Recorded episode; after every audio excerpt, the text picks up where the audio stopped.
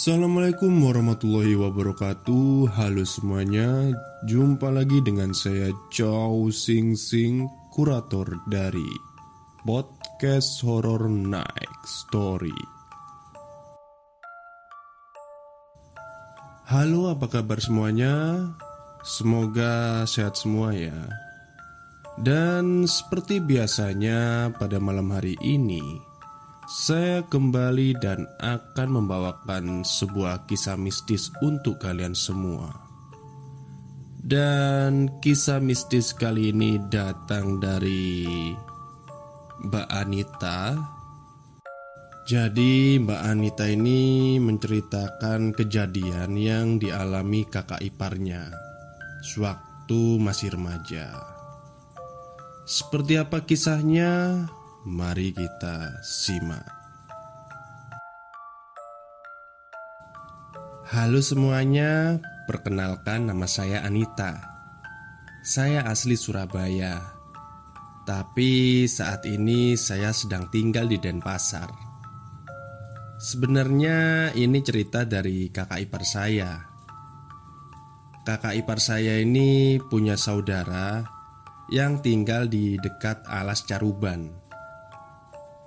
Jadi kisah ini terjadi kira-kira di awal tahun 80-an Anto nama samaran. Pada saat liburan sekolah Si Anto ini mengunjungi rumah saudaranya yang ada di suatu desa Di dekat alas Caruban Pada tahun 80-an Situasi di daerah itu masih sangat sepi tidak seramai sekarang Apalagi di malam hari. Gak ada sama sekali mobil yang lewat di jalan yang membelah hutan itu. Pada suatu hari Ada warga desa sebelah yang sedang mempunyai hajat Dan mengadakan pertunjukan wayang kulit. Di zaman itu, pertunjukan sekelas wayang kulit adalah pertunjukan besar yang bisa menyedot banyak warga untuk mendatangi tempat tersebut. Walaupun mereka tinggal di desa lain yang berkilo-kilo jaraknya dari tempat pertunjukan itu. Saat itu, Anto dan beberapa temannya tidak ingin ketinggalan untuk menghadiri pertunjukan itu. Sebagai anak muda yang di zaman itu sangat jarang bisa menikmati suatu pertunjukan, mereka sangat senang dengan adanya pertunjukan besar itu. Selepas maghrib, mereka sudah mulai berjalan menuju desa sebelah yang jaraknya lumayan jauh. Apalagi mereka menempuhnya dengan berjalan kaki.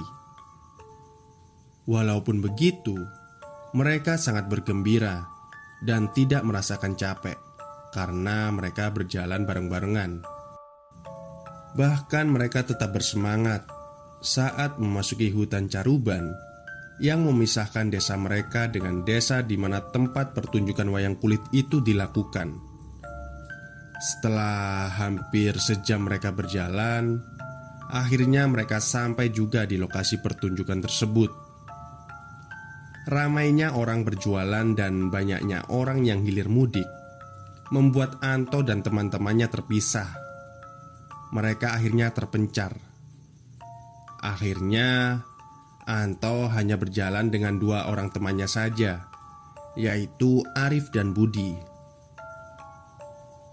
Setelah pertunjukan dimulai, mereka lupa waktu untuk pulang karena lakon cerita wayangnya sangat menarik dan dalangnya cukup kondang di daerah itu. Waktu terus berjalan, pada akhirnya mereka bertiga sadar Jika mereka harus segera pulang. Karena waktu itu sudah sangat larut malam. Mereka berusaha mencari-cari teman-teman mereka Namun tidak ditemukan. Akhirnya mereka bertiga sepakat untuk pulang saja. Di dalam perjalanan mereka baru sadar kalau mereka harus melewati alas caruban yang terkenal angker. Dan mereka juga baru ingat jika beberapa hari yang lalu ada seorang pengendara motor yang tewas seketika saat kecelakaan di jalan raya yang melintasi hutan tersebut. Kondisinya terseret oleh truk hingga puluhan meter dengan luka yang membuat wajahnya menjadi rata karena terkena aspal jalan raya. Mereka bertiga berjalan dengan cepat dan hampir berlari agar cepat melewati hutan itu. Tapi langkah mereka berhenti saat ada seseorang lelaki yang sedang berjalan sendirian di tengah hutan. Kemudian mereka berpikir, "Wah, kebetulan nih ada orang dewasa yang sedang melintasi jalan tersebut." Akhirnya, mereka berkeinginan untuk bergabung dengan orang tersebut. Mereka sedikit berlari, memanggil dan mengejar orang itu. Namun, orang itu tidak menoleh dan tetap diam. Tapi, apa yang dilihat oleh mereka sangatlah mengejutkan. Saat sinar rembulan menerpa wajah orang tersebut, ternyata mukanya rata, tidak memiliki mata, hidung, dan mulut, dan penuh dengan darah. Mereka kaget, ngeri, dan ketakutan hingga Anto dan teman-temannya berlari sekencang-kencangnya tanpa pikir panjang lagi. Sampai akhirnya mereka menghentikan larinya karena mereka sangat lelah. Perjalanan melewati hutan itu tinggal sedikit lagi. Hingga pada saat itu ada seseorang yang sedang berjalan dari arah lain dan menyapa mereka. Si Anto dan teman-temannya berpikir bahwa lelaki itu adalah tetangga mereka yang baru saja pulang dari menonton pertunjukan wayang kulit juga. Mereka akhirnya berjalan bersama dan mengobrol. Sampai akhirnya si Budi bercerita bahwa mereka tadi bertemu dengan hantu yang bermuka rata. Tiba-tiba orang itu berkata bahwa dia ingin pinjam korek api untuk menyalakan rokok. Budi memberikan korek api tersebut,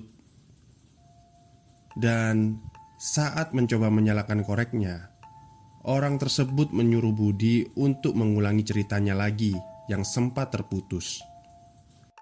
Akhirnya si Budi mengulangi ceritanya lagi saat bagaimana dia bertemu dengan hantu muka rata itu. Pas dia mengulang di kata-kata mukanya rata, orang tersebut menyalakan korek api dan berkata, "Apakah mukanya sama kayak muka saya?"